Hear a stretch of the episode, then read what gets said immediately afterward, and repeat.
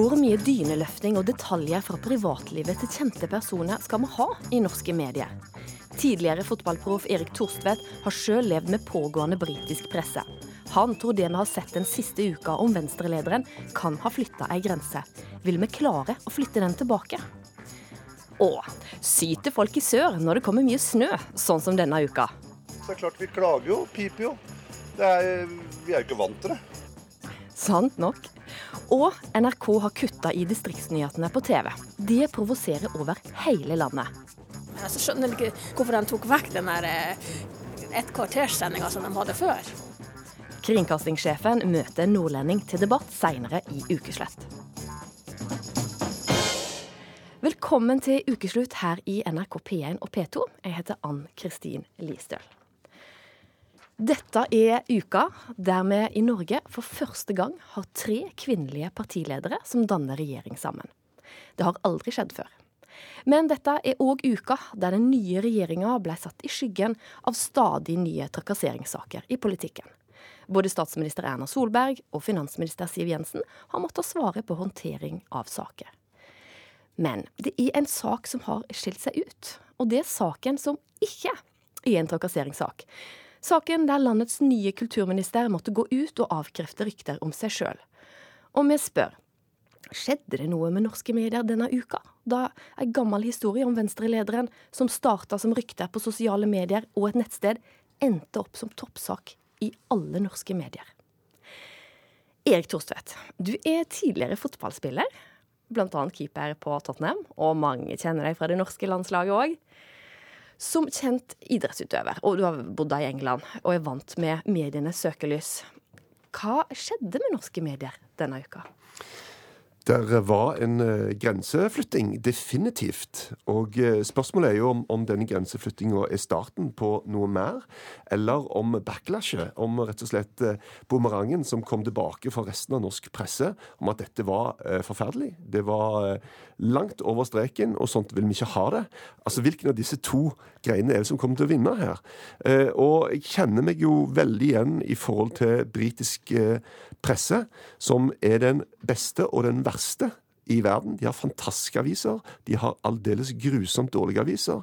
Men elementene med sex og betaling begge de elementene ser vi i denne norske saken, og det er veldig veldig gjennomgående i den dårlige delen av, av britisk presse, der de hele veien er på jakt etter sexskandaler, og de er villige til å betale for det. og Derfor ser vi stadig vekk folk som er villige til å selge seg sjøl og sin historie eh, for å få penger, men like mye for å få sin 50 minutes of fame. Hva har du, Da du var proff, da, hva opplevde du sjøl, eller hva kjente du til av andre som opplevde ting? Vi ser jo hver eneste helg var det jo eh, noen som hadde ligget med noen, som sto fram og fortalte om dette. Og så ser vi òg at de har jo gått veldig, veldig langt i forhold til dette med telefonavlytting. News of the World, som var søndagsutgaven av The Sun, ble jo stengt ned pga. Eh, jeg tror oppimot 4000 tilfeller av telefonavlytting. Det er klart at britisk presse er mye, mye verre enn det norske. De har telefonavlytta kongefamilien. Vi har hørt prins Charles si ganske ekstreme ting til Camilla Parker Bowles på telefonen, som har havna på trykk i avisene. Og, eh, og dette angiversamfunnet som det oppfordrer til. det du ser sånne små greier, notiser i avisene. Do you know a scandal? Call this number. Eh, og når de innførte Lotto i England, det er ganske morsomt, for at eh, da var det plutselig en som stakk av gårde med en kjempegevinst. Og han har jo krav på å bli anonymisert. Eh, men naboen hans tjente en million kroner på å peke på han og så si det var han. Og det fikk han altså en million kroner for å gjøre. Vi har òg med oss Christian Ingebrigtsen her, som er ja, artist og kjent fra å være tidligere medlem av gruppa A1. Du har òg bodd i Storbritannia. Hva er det drøyeste du har eh, opplevd at pressen skriver om deg?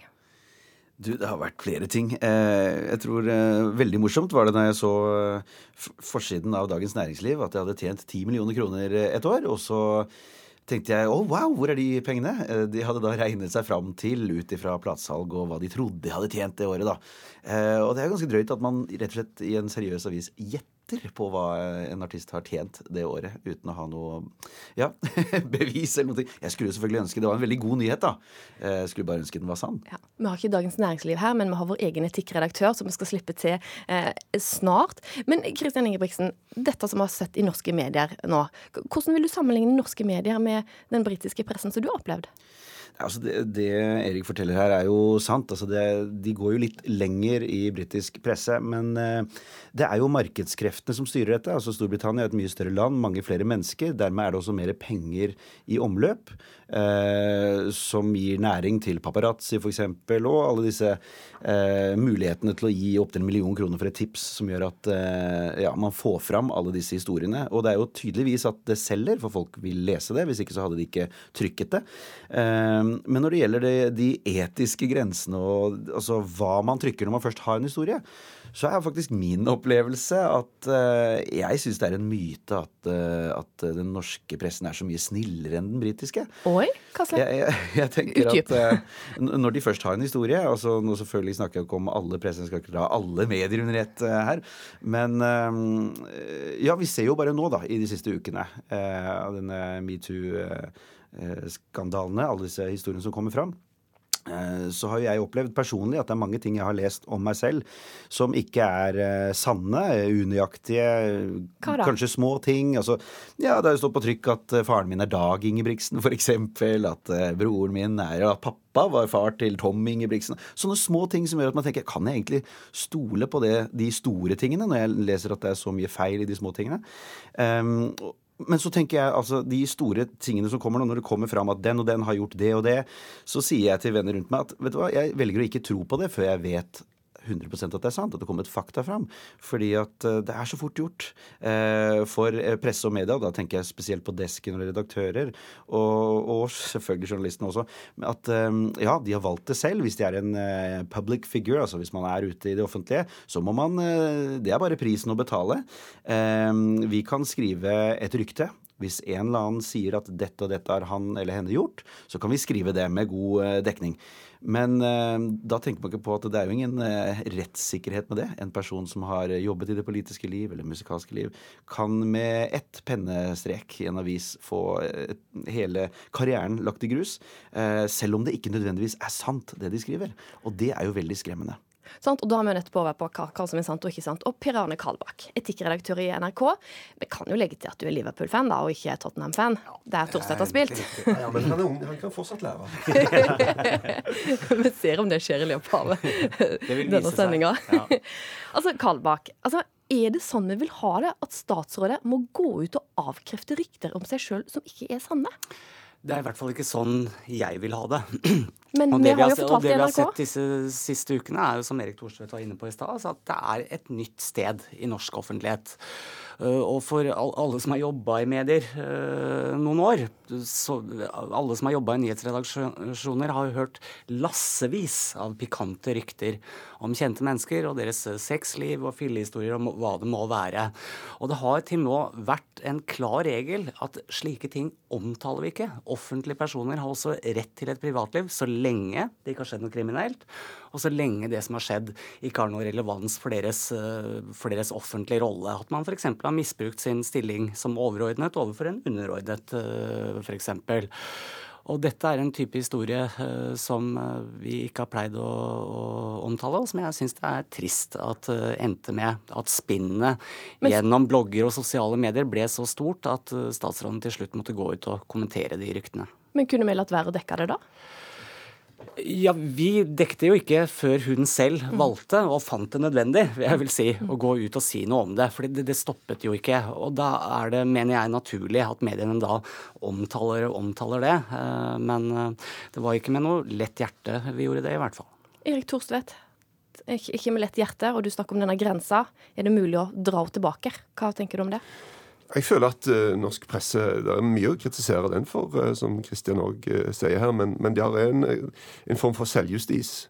Og, og, jeg tror at her er det hele metoo-greia, som jo er en veldig positiv ting, og hvis vi tar denne siste eh, saken eh, med denne politikeren som måtte ut og kommentere det sjøl, så, så havna det var i hvert fall noen som prøvde å ta den med inn i samme bevegelse, da. Og, og ta det liksom som en sånn sekkepost. Dette er en metoo-greie, som det faktisk ikke var. Um, men, men, jeg tror jo i, i hele den metoo som ble altså Det er jo ofte mengden, da. Det blir så voldsomt. Det pøser på. Som i f.eks. Trond Giske-saken. Og så tror jeg det er en, en evne til å refleksjon. Ofte kommer det litt tid etterpå. Så ser en, begynner en å, å, debattere disse tingene og se på ja, men var det riktig? Hvordan var dette her? Burde Trond Giske, Giske ha fått lov til å si at ja, men dette stemmer ikke? Det, enkelte av disse tingene stemmer ikke, for det kunne han nå faktisk ikke si. For da ble han halshogd. Eh, for det ble, en, det ble, en, sånn bølge, da. Så, men jeg har tro på at norsk presse har eh, er flink nok til å ta den debatten og finne rette veier å gå.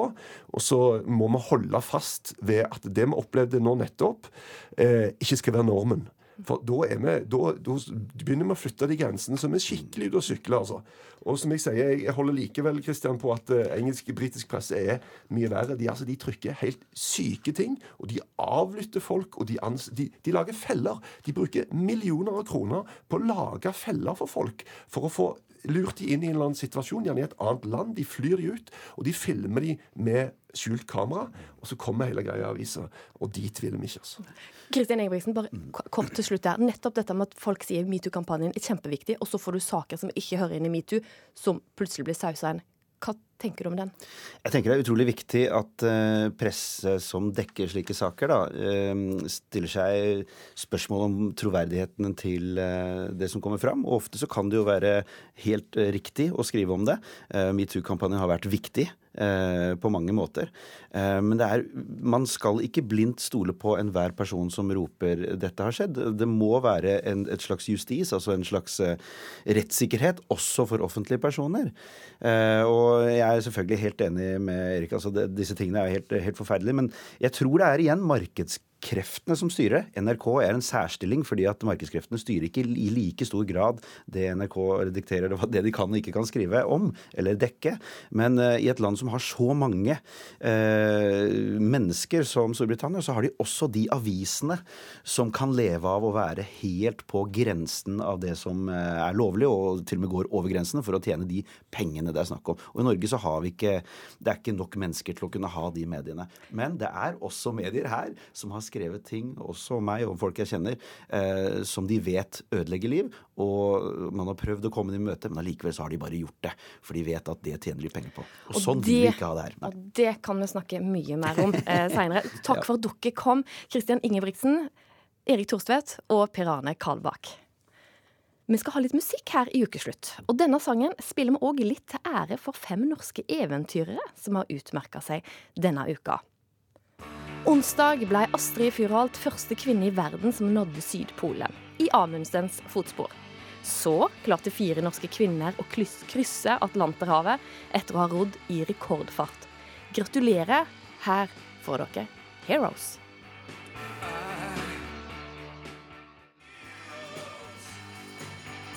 David Bowie med 'Heroes' i ukeslutt på NRK. Våre tanker går til befolkningen i hovedstaden i denne vanskelige tida. Det sto i avisa Nordlys etter at store mengder snø har skapt kaos flere steder på Østlandet. Men syter virkelig søringene så mye? Vår reporter Julie Groseth har prøvd å finne ut av nettopp det. Her er det veldig trangt, så vi får en liten utfordring her nå. Men eh, det får gå. Det blir en, eh, en liten prøvelse. Kan hende vi må prøve flere ganger. Brøytebilsjåføren Lars Hansen har tatt meg med til Røa i Oslo for å brøyte. Veien vi er på er både smal og vanskelig å måke, og vi stopper rett og slett opp. Det er for mye snø. Vi skal ta oss og kjøre over det, og så skal vi kjøre inn fra andre sida. Skal vi prøve å se åssen det blir. Og det har nok vært slik for veldig mange brøytesjåfører denne her uka. I hvert fall sørpå. Bare hør her. Over 15 000 boliger er uten strøm på Sør- og Østlandet. over eh, store deler av Østlandet. Været har skapt mange problem i trafikken. I Bilene kommer seg ikke fram. Folk mister strømmen, og NSB ber folk ta hjemmekontor. Hva er det vi egentlig driver med? Det spør nok mange nordlendinger og vestlendinger seg. I kommentarfeltene på Facebook og til og med i noen aviser blir vi ledd av, latterliggjort. Klarer vi virkelig ikke å håndtere snøen? Som søring blir jeg nysgjerrig. Jeg tar en telefon til min tidligere kollega og gode venninne i Finnmark. Hallo? Hallo? Jeg bare lurte på, syns du vi søringer klager litt mye over snøen? Mm, kanskje litt. Jeg tror man føler at det blir litt sånn her Å, det kom så mye, det kom litt snø, og så stopper alt opp. Trafikken går ikke, og ja, at det blir liksom stor ståhei. Så vi må slutte å klage? Ja. Ja. Klar tale der, altså. Og det er flere som deler min venninnes synspunkt. På tirsdag sto det følgende i avisa Nordlys. Våre tanker går til befolkningen i hovedstaden i denne vanskelige tiden. Det er jo artig, da, men jeg må høre med redaktøren Helge Nitteberg om hvorfor de gjør litt narr av oss. Det er jo eh, selvfølgelig, Vi liker jo å drive litt gjennom hverandre. og Det går begge veier, både fra, fra, nord til sør og fra sør til nord. Det, det er jo selvfølgelig også snøkaos i Tromsø også, på enkelte dager i løpet av en vinter. Men det blir liksom ikke den massive mediedekninga. Så det er jo først og fremst et lite stikk til eh, media og riksmedia, spesielt i Oslo. Uansett hva grunnen er, så lurer jeg på. Syntes Nitteberg at vi sørpå klager litt mye over snøen? Jeg vet ikke om det å klage, men det var hvert fall, man, man hauser det opp til at det, man skulle nesten tro at vi var i ferd med å gå inn i tredje verdenskrig. Eh, når, når man ser den dekninga som, som 20 eh, cm med snø får i Oslo. Så vi i sør vi lager litt for mye ståhei. Men jeg føler meg ikke helt ferdig med dette her. Kanskje jeg må menge meg med en søring. Jeg spør brøytebilsjåføren Lars Hansen om det er hold i kritikken vi får. Det er klart at Vi, vi har jo ikke den samme infrastrukturen som, eh, som, eh, de kanskje har, og samme vanen. Og når det kommer sånn som nå, et sted mellom 30 og 50 cm, så er jo det en utfordring for oss. Det er klart Vi klager jo, piper jo. Er, vi er jo ikke vant til det. Nei. Det er litt sånn eh, Jeg vet ikke hvordan Tromsø hadde takla en tropesommer. Og palmene, da hadde de vel klaget på varmen, ikke sant? Så jeg mener, nei da, men altså, for, med all respekt, eh, de har jo en helt annen kultur. Og er jo vant til å ha lengre vintre, mye mer snø enn det vi har. Og det Hansen sier her, er kanskje grunnen til at det har blitt sånn kaos denne uka. Det er jo ganske mange flere som bor her, og vi er nok ikke like forberedt som nordlendingene. Jeg vender snuten mot Nydalen i Oslo, hvor direktøren for samfunnssikkerhet og beredskap, Cecilie Daa, holder til. Hun kan kanskje gi meg et svar. Hei, Julie. Cecilie. Ja. Skal vi gå ut? Det kan vi gjøre. Hvorfor blir det sånn kaos når, eh, når det kommer mye snø på Østlandet? Ja, jeg, nå har det jo kommet helt ekstremt mye snø, det må jeg jo si. Men jeg tror jo det at vi eh, kanskje er litt væroptimister og ikke helt tar konsekvensene av det som blir meldt innover oss. Og Sånn sett har vi noe å lære av vestlendinger og nordlendinger som mer ser an været før de planlegger hva de skal gjøre og hvordan de skal forholde seg. Så eh, vi er vel litt bortskjemte med bra vær, og vi må lære oss til å leve med dette ekstremværet som har kommet for å bli. Så til og med beredskapssjefen her i landet mener vi har noe å lære fra de i nord. Tanken om å stå han av er jo et godt uttrykk som de har i Nord-Norge. Eh, jeg tror nok vi søringer er eh, mer orientert mot å gjøre det vi har satt oss for uansett. Eh, med fokus på eh, effektivitet og følge planene. Jeg kan jo kjenne meg selv litt igjen i det. Jeg skulle egentlig vært i Harstad på tirsdag og måtte innstille det pga. været. Det syns jeg var veldig krevende. Men jeg antar at folk som har levd med denne type vær i mange år, er langt mer robuste i forhold til å innrette seg i forhold til det. Og det er noe med det. Vi må kanskje stille oss litt om. For snøen har virkelig skapt kaos denne uka. Flere tusen personer har vært uten strøm og det har skjedd hendelser som vi helst skulle vært foruten. Men brøytebilsjåfør Hansen har en enkel løsning måk. Det er klart det er litt frustrasjon blant folk fordi det blir jo mye snø. Og snø frustrerer, men eh, vi er nå nødt til å gjøre det vi gjør. Så vi søringer syter kanskje litt, men da er det i hvert fall godt å ha noen som brøyter vei for oss. Og som gjør hverdagen litt enklere. Ja, vi kommer gjennom. Vi løste det.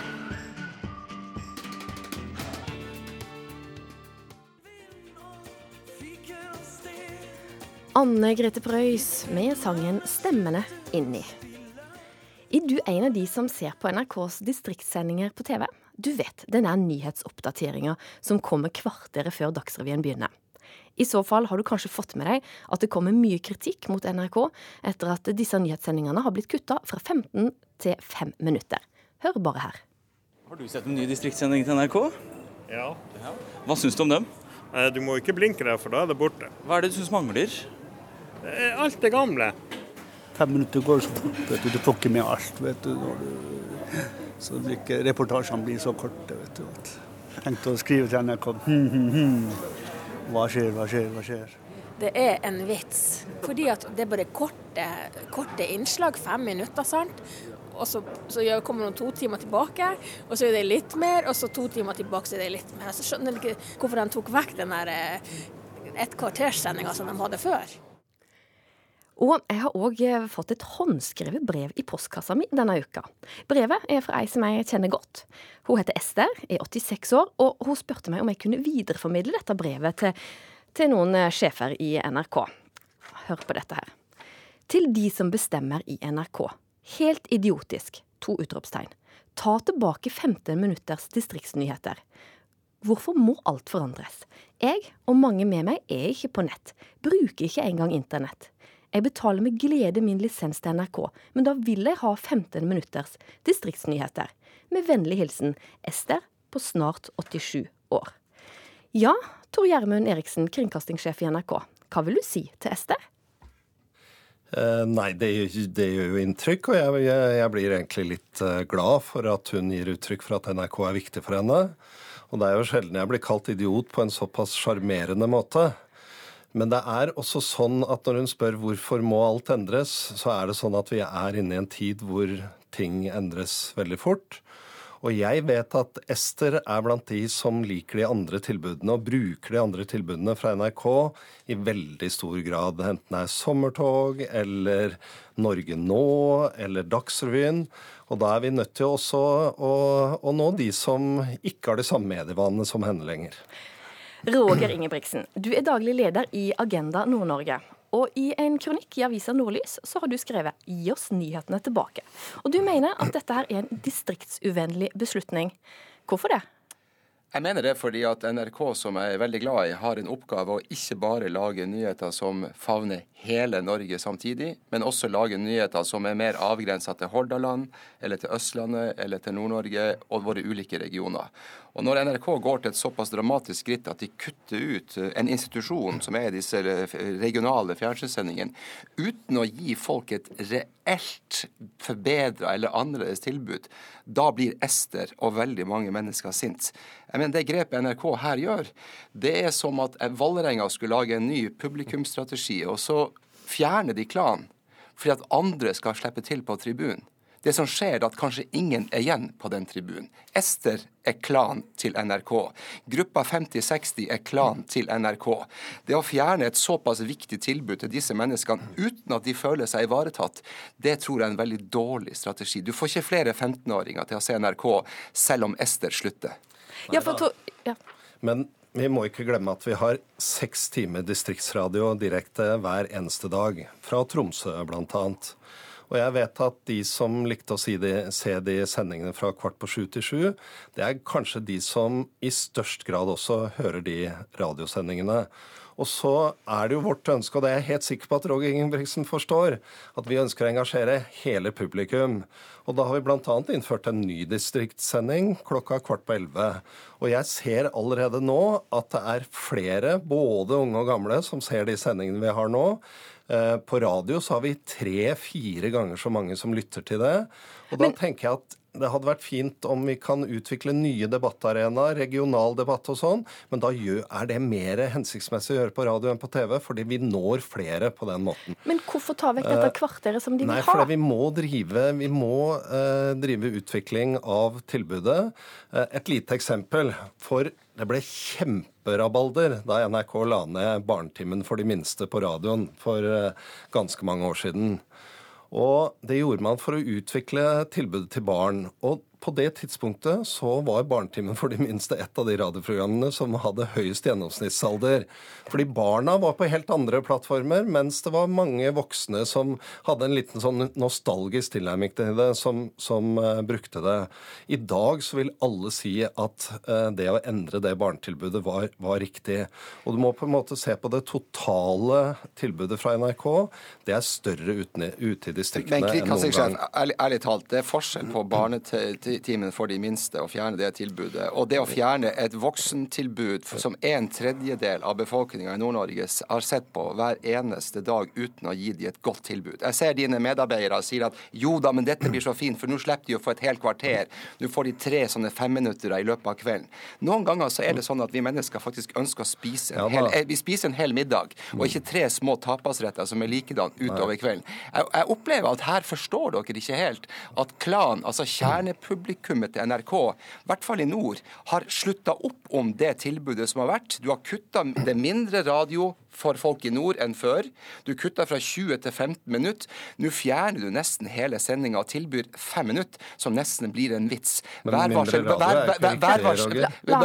Værvarsel, på 10-12 sekunder i en landsdel som hver eneste dag har betydelige værskifter. Et værskiftevarsel på fem sekunder, det kan passe i, passe i et land som har samme vær hver dag. Altså, jeg, jeg mener, her syns jeg NRK ikke treffer nerven med sitt eget publikum. Du burde klare å lage et tilbud som både favner 15-åringen og 80-åringen hvis lisensen skal overleve i fremtida. Men, du, men du, dette, dette, en av de tydeligste tilbakemeldingene vi får, er akkurat det om været, og det skal vi gjøre noe med, så vi får bedre værmeldinger.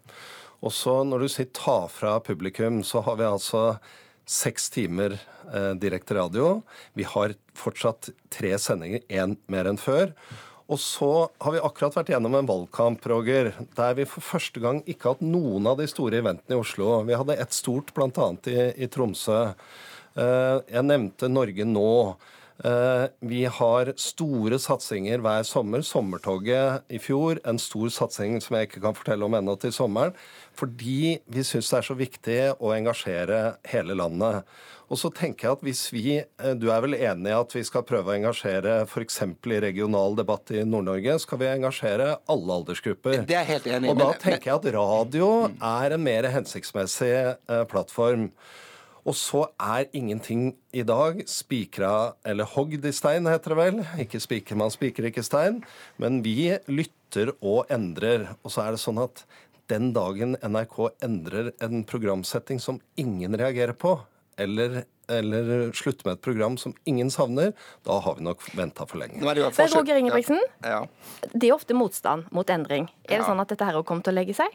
Eh, Det kommer det sikkert til å gjøre. Bare, for, for Til slutt så slutter jo disse menneskene da å, å følge NRK. De slutter å se NRK. De slutter å være klan til NRK. Så det vil helst ikke gi seg å bli en taushet rundt det. Men det er nødvendigvis ikke en seier for NRK.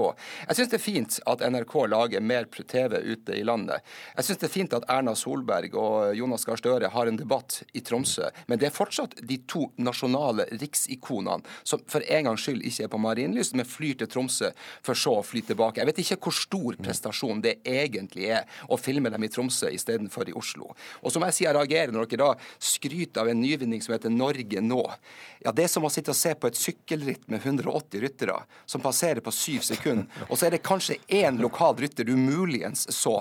Det å sitte og se på Norge nå og vente på nyheter fra din egen region, det er som å se på et sånt Tour de France-ritt hvor det kanskje er en nordmann med, som du kanskje får se en gang. Så jeg tror du skal ta på alvor nå at det er faktisk mange av de virkelige, de som virkelig står opp for NRK, som opplever at du har fjerna et tilbud uten å gi et godt alternativ. Den tredjedelen av de som så på NRK sine sendinger i Nord-Norge, det var den største nordnorske medieflata av alle. Større enn VG, større enn Dagbladet, større enn Nordlys. Den fjerner du egentlig med et pennestrøk uten å gi et godt alternativ. Og da tror jeg du skjønner at veldig mange akkurat nå syns det her er litt leit. jeg skal bare si Tor Gjermund Eriksen, Her får du ei kraftig skyldbytte fra Roger Ingebrigtsen. Mhm. Og Ester har kalt dette her for helt idiotisk. Altså, skal, Kommer du til å snu, tror du? Nei, men vi kommer til også å vurdere å forbedre sendinger hele tiden. Og, og det kan godt hende at vi vurderer den totale tilbudet på TV-kvelden annerledes. Men så gjør vi også mange andre ting. Vi har bl.a. tenkt til å lage ganske store og gode fagmiljøer. Eh, I Nord-Norge vil det være naturlig å lage et fagmiljø som jobber med havet. Vi kommer til Roger Ingebrigtsen og til hele publikummet produsere mye mer TV enn før. Men det er ikke all TV-publiseringen som kommer til å skje på lineær TV klokka syv eller åtte om kvelden, men også på, på nye kanaler. Vi vet at alle mennesker i Norge under 60 år bruker mobilen mer. Vi vet at Ester og andre på hennes alder er glad i NRK, og jeg er helt enig med deg. Det er en bekymring for meg hvis ikke de eh, fortsatt er fornøyd med NRK. Så det skal vi følge, og vi skal lage gode tilbud for den delen av befolkningen. Det høres ut som at vi kan fylle en hel ukesluttsending med dere to eh, i denne debatten her. Men- Sier takk eh, i denne omgang til Tor Gjermund Eriksen, kringkastingssjef, og Roger Ingebrigtsen, som er daglig leder i Agenda Nord-Norge. Og så håper jeg at dere fortsetter å høre på Ukeslutt. Donald Trump har vært president i akkurat ett år i dag. Og for et år det har vært for Twitter. Vi skal kåre årets tweet i Ukeslutt. Og Vidar Villa synger om mora til kompisen. Det skal han òg gjøre i årets Melodi Grand Prix-finale. Hva sier mora sjøl? Følg med i Ukeslutt. Begge to kommer. På dagen i dag, for ett år siden, så ble Donald Trump, Trump sier jeg, Donald Trump, skal, rett skal være rett, innsatt som USAs president. Og aldri har vel en president skapt mer medieoppmerksomhet enn det Trump har gjort gjennom sine mange Twitter-meldinger. Så hva er vel mer passende enn å kåre årets tweet i ukeslutt? Vi har samla et panel. Det består av Eirik Bergesen, som er skribent og kommentator. Vi har Vårin Alme, som er kommentator på amerikansk politikk. Og vi har med oss André Ulvesæter, som er komiker. Alle tre har fått i oppgave å plukke ut sin eh, tweet. Og Eirik Bergesen, vi kan jo like godt starte med deg. Eh, hva har vært vanskeligst når du skulle plukke ut årets tweet? Kan jeg først få si at eh, jeg tror dagens tweet fra Donald Trump kommer til å bli at ukeslutt kaller han for Donald Promp. da tror jeg du har starta en Twitter-krig, altså, altså, av de sjeldne her. Som kommer til å matche shithole-gate, som vi nå har vært gjennom. Eh, du, det er kjempevanskelig. Jeg, og jeg er lett tilbake. Og det, det, altså, man sitter jo igjen med hundrevis og man måtte velge mellom. Eh, og, og, det er ikke, og det er ikke lett. Altså. Men kan jeg få si én ting til å begynne med? at at, at jeg, jeg, Nå jobber jeg jo en del med sånn politisk satire og. Og, og så sier jo, sier jo Erna Solberg at, at Donald Trump er en normal mann med humoristisk sans.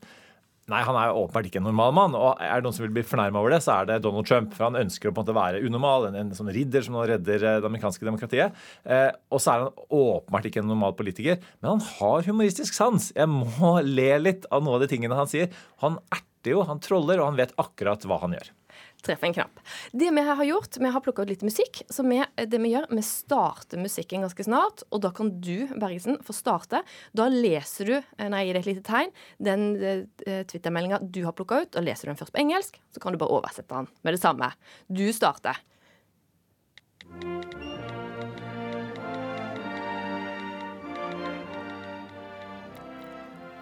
Kofefe.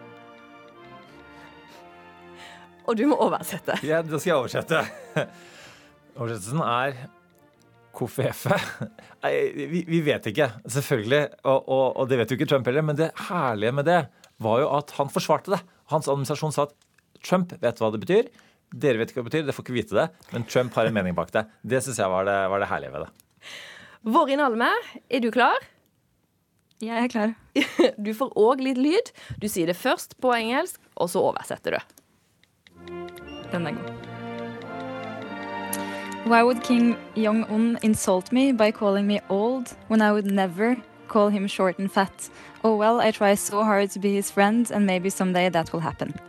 Altså, hvorfor ville Kim Jong-un eh, fornærmet meg ved å kalle meg gammel, når jeg aldri ville kalt ham liten og tjukk? Og vel, jeg prøver så hardt å være hans venn, og kanskje en dag vil det skje. Hvorfor er dette den du velger ut? Nei, jeg tenker, altså Det er jo ekstremt mange gode Twitter-meldinger Trump har kommet med dette året. Så, Så dette her er jo liksom bare én av dem. Men, eh, men denne tweeten den har på en måte alle elementer. Jeg tenker at den både forteller oss noe om den absurde situasjonen vi er i, og den absurde måten Trump eh, noen ganger altså, uttrykker seg på. Da.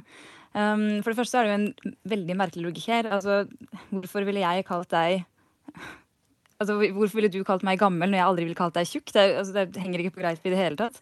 Um, så det er en sånn veldig underholdende absurd faktor her. Noe høres ut som noe rett ut av Vip, og en gullgruve for satirikere som Eirik. Men samtidig så, så, har, så, har, jo dette med ekstremt alvorlige ting å gjøre. Um, dette er, handler jo om eh, forholdet mellom eh, en røverstat som har eh, atomkapabilitet. Så, så Altså Potensialet her er jo at det skal bryte ut en, en konflikt mellom stormakter med atomvåpen. Så, så denne twittermeldingen tenker jeg har alt, da. Få ord som omtaler store saker, egentlig. Og da skal vi slippe til tredjemann, som er André Ulvesæter, som er komiker, og som faktisk Du fikk jo boosta din Twitter-konto du, etter at du eh, tvitra eh, Trump elsker Norge fordi vi dyrker håret hans her. Det skrev du, eh, og så viste du bilder av noe gulna gress. Ja. Den var jo eh, basert på denne her fantastiske virale hiten til VG, eh, Wig Farm. Eh, så jeg koblet jo bare hans eh, shithole-kommentar opp mot hans elsk for Norge. Og, og hvor mange nye Twitter-følgere fikk du? Du, Det er vel litt over 1500 på et par dager, så det gikk, det gikk fort. Du har lært noe av Donald Trump. Og da skal du få musikk, og så kommer du med din. Det kjenner jeg at det blir litt uh, merkelig, for jeg eh, skjønner det at panelet er ganske enig uh, men hold, i uh, Men hold det litt igjen. Du får musikken allikevel. Ja, okay. Why would Kim Jong-un insult me by calling me old when I would never call him short and fat? Oh well, I try so hard to be his friend, and maybe someday that will happen. To, her er det to mot én. Du òg. Ja, Hvorfor det, ble denne favoritten din? Du, det er jo den her eh, 'min pappa er sterkere enn din pappa'-holdning. Eh, jeg, jeg elsker den måten at han han prøver å heve seg, men synker så lavt som det overhodet går an. Og det er jo ikke en statsleder verdig i det hele tatt. Men jeg må jo òg bare få si at jeg sleit jo mellom to Twitter-meldinger som jeg skulle velge mellom. Og den andre var faktisk den som Bergesen tok først. Så vi er ganske samkjørt på eh, Trump, tydeligvis. Det er et veldig samstemt eh, panel her. Og til slutt, så hvis dere kan være med på å ta en stafettpinne der dere får 15 eh, sekunder hver, der jeg spør dere hva slags saker tror dere vi har gått glipp av fordi mediene har vært mer opptatt av å dekke Donald Trump sine Twitter-meldinger, og ikke sakene han faktisk har drevet med? Bergesen først. Eh, altså jeg tror Grunnen til at vi dekker eh, Twitter-meldingene hans eh, i media, er at det er sånn han kommuniserer politikk på. Det er ikke bare underholdning og fjas. Han, Midt oppi alt dette tøyset så er det sånn han faktisk annonserer sin, sin politikk, og det er grunnen til at man, man dekker det. Men, men, økonomien i USA går bra om dagen, enten det er Trumps fortjeneste eller Obamas. Og det er den historien som da, til Trumps forsvar, da, media bruker for lite tid på. Og 15 sekunder til deg, Vårin Alme. Ja, altså, her tror jeg det er flere saker å ta fram. Jeg kan trekke fram ett eksempel. Og det er denne twittermeldingen Trump sendte ut om transkjønnede personer i Forsvaret. En plutselig eh, politikkendring som han kunngjorde via Twitter, eh, og som ikke gikk i de riktige kanalene i det hele tatt. Eh, som vil bety en enorm drastisk endring i amerikansk forsvarspolitikk, og for soldater som er stasjonert ute også. Og dette her ble det jo faktisk ikke noe av. Men det tenker jeg er et eksempel på hvordan Trump klarer å manipulere medieagendaen og manipulere hva vi får med oss av informasjon. Eh, for det var selvfølgelig da hans kunngjøring og ikke resultatet av dette her som, ble, eh, som fikk mest oppmerksomhet. André Ulvesæter, du er vant til å formulere deg kort på Twitter. Eh, det er mye den Russland-greien. For det virker som at hver gang den lille Russland-koblingen ved valgen blir tatt opp, så kommer han med en eller annen fantastisk tweet som flytter fokus. Og nå så jeg faktisk en nyhetssak der det sto at Trump løy eller kom med falske påstander fem ganger per dag i fjor. Takk til dere tre for at dere var med å kåre årets tweet.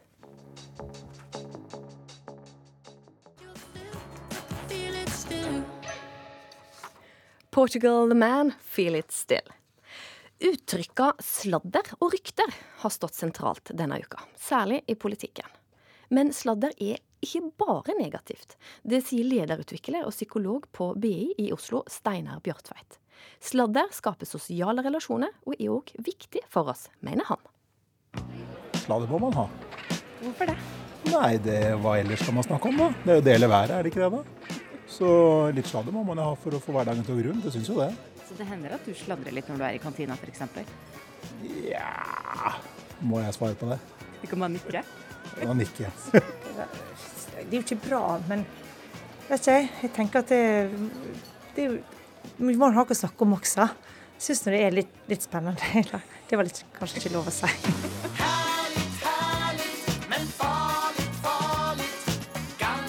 Ja, for litt sladder i kantina i lunsjen på jobb, eller over kafébordet, det er faktisk ganske sunt for oss. Det påstår i hvert fall lederutvikler og psykolog på BI i Oslo, Steinar Bjartveit. For da vet vi egentlig mer om hvor vi har hverandre. Og det sladres masse rundt omkring. Også i kantina på BI. Hvor mye tror du det sladres eh, rundt oss nå? Nesten bare sladder. Fordi sladder er den primære kommunikasjonsform. Og, og sånn sett så har sladder et dårlig rykte, da, fordi vi ser på sladdering som noe negativt. Men egentlig så tenker man at kanskje så mye som to tredjedel av kommunikasjon vil være såkalt sladder. Eh, og sladder det er om sosiale forhold, det er hva skjer, hvem rører på seg, hvem har gjort hva.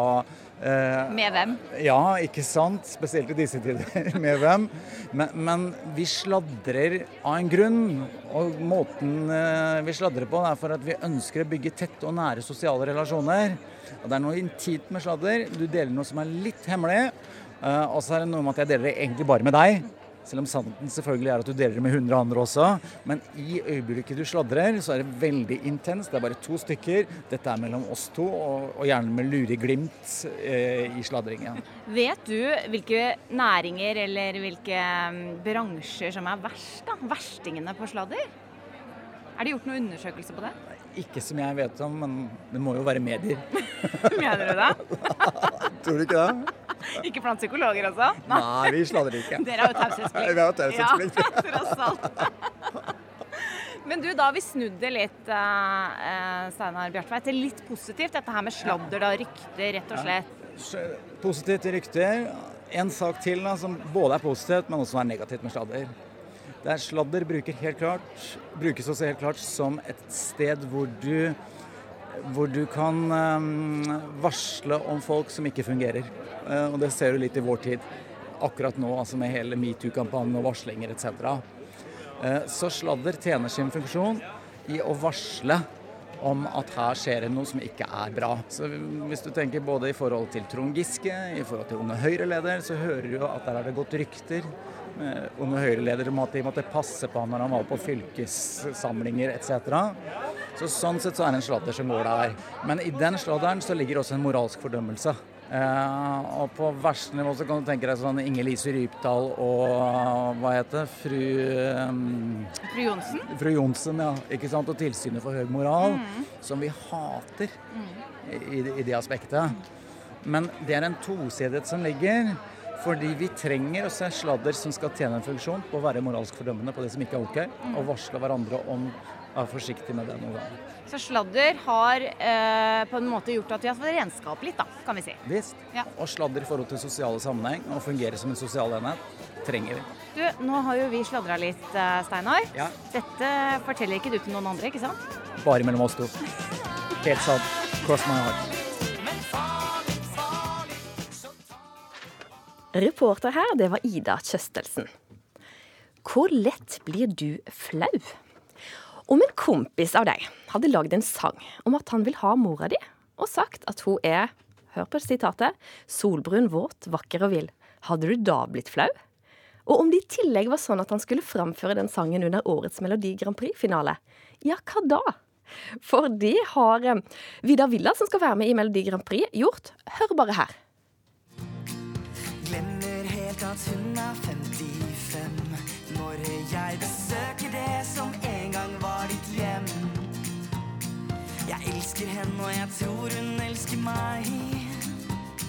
Og best av alt hun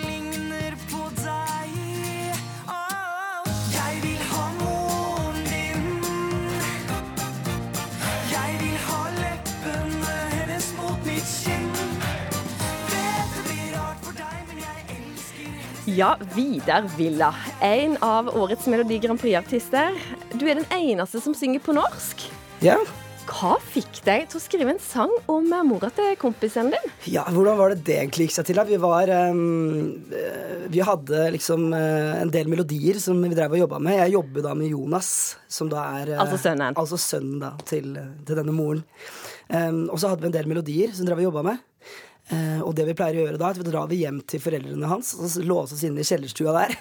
Og så, og så skriver litt tekst.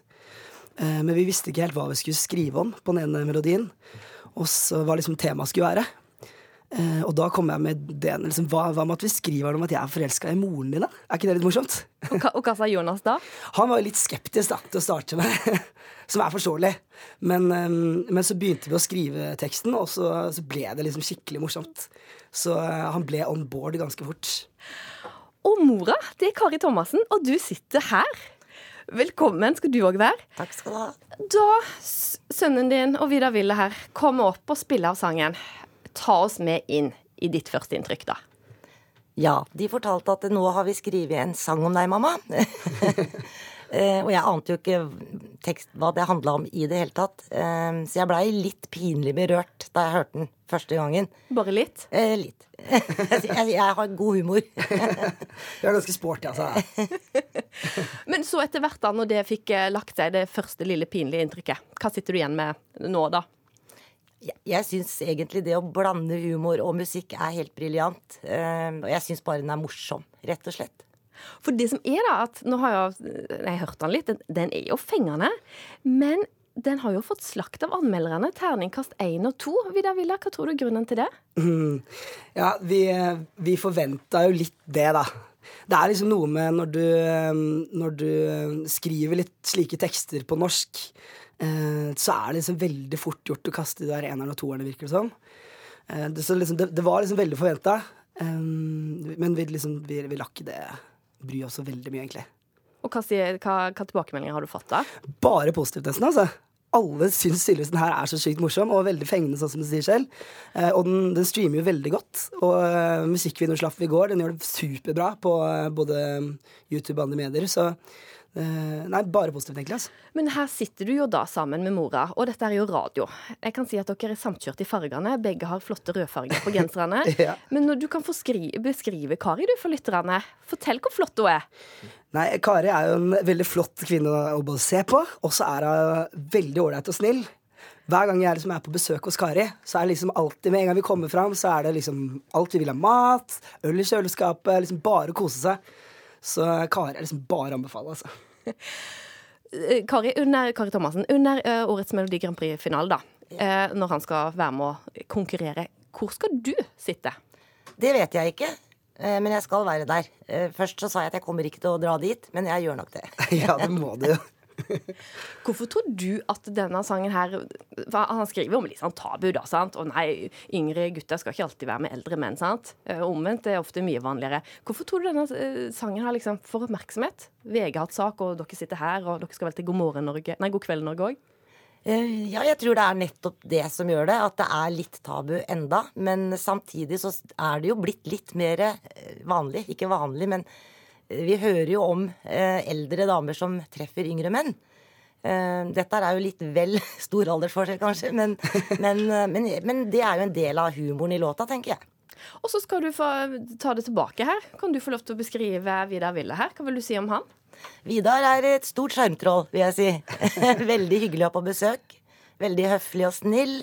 Alt er alltid gøy når han kommer sammen med Jonas. Men Vidar Villa, da, hvis kompisen din Jonas, som da er sønnen til Kari, hvis han hadde kommet hjem og blitt sammen med mora di, hva hadde du sagt da?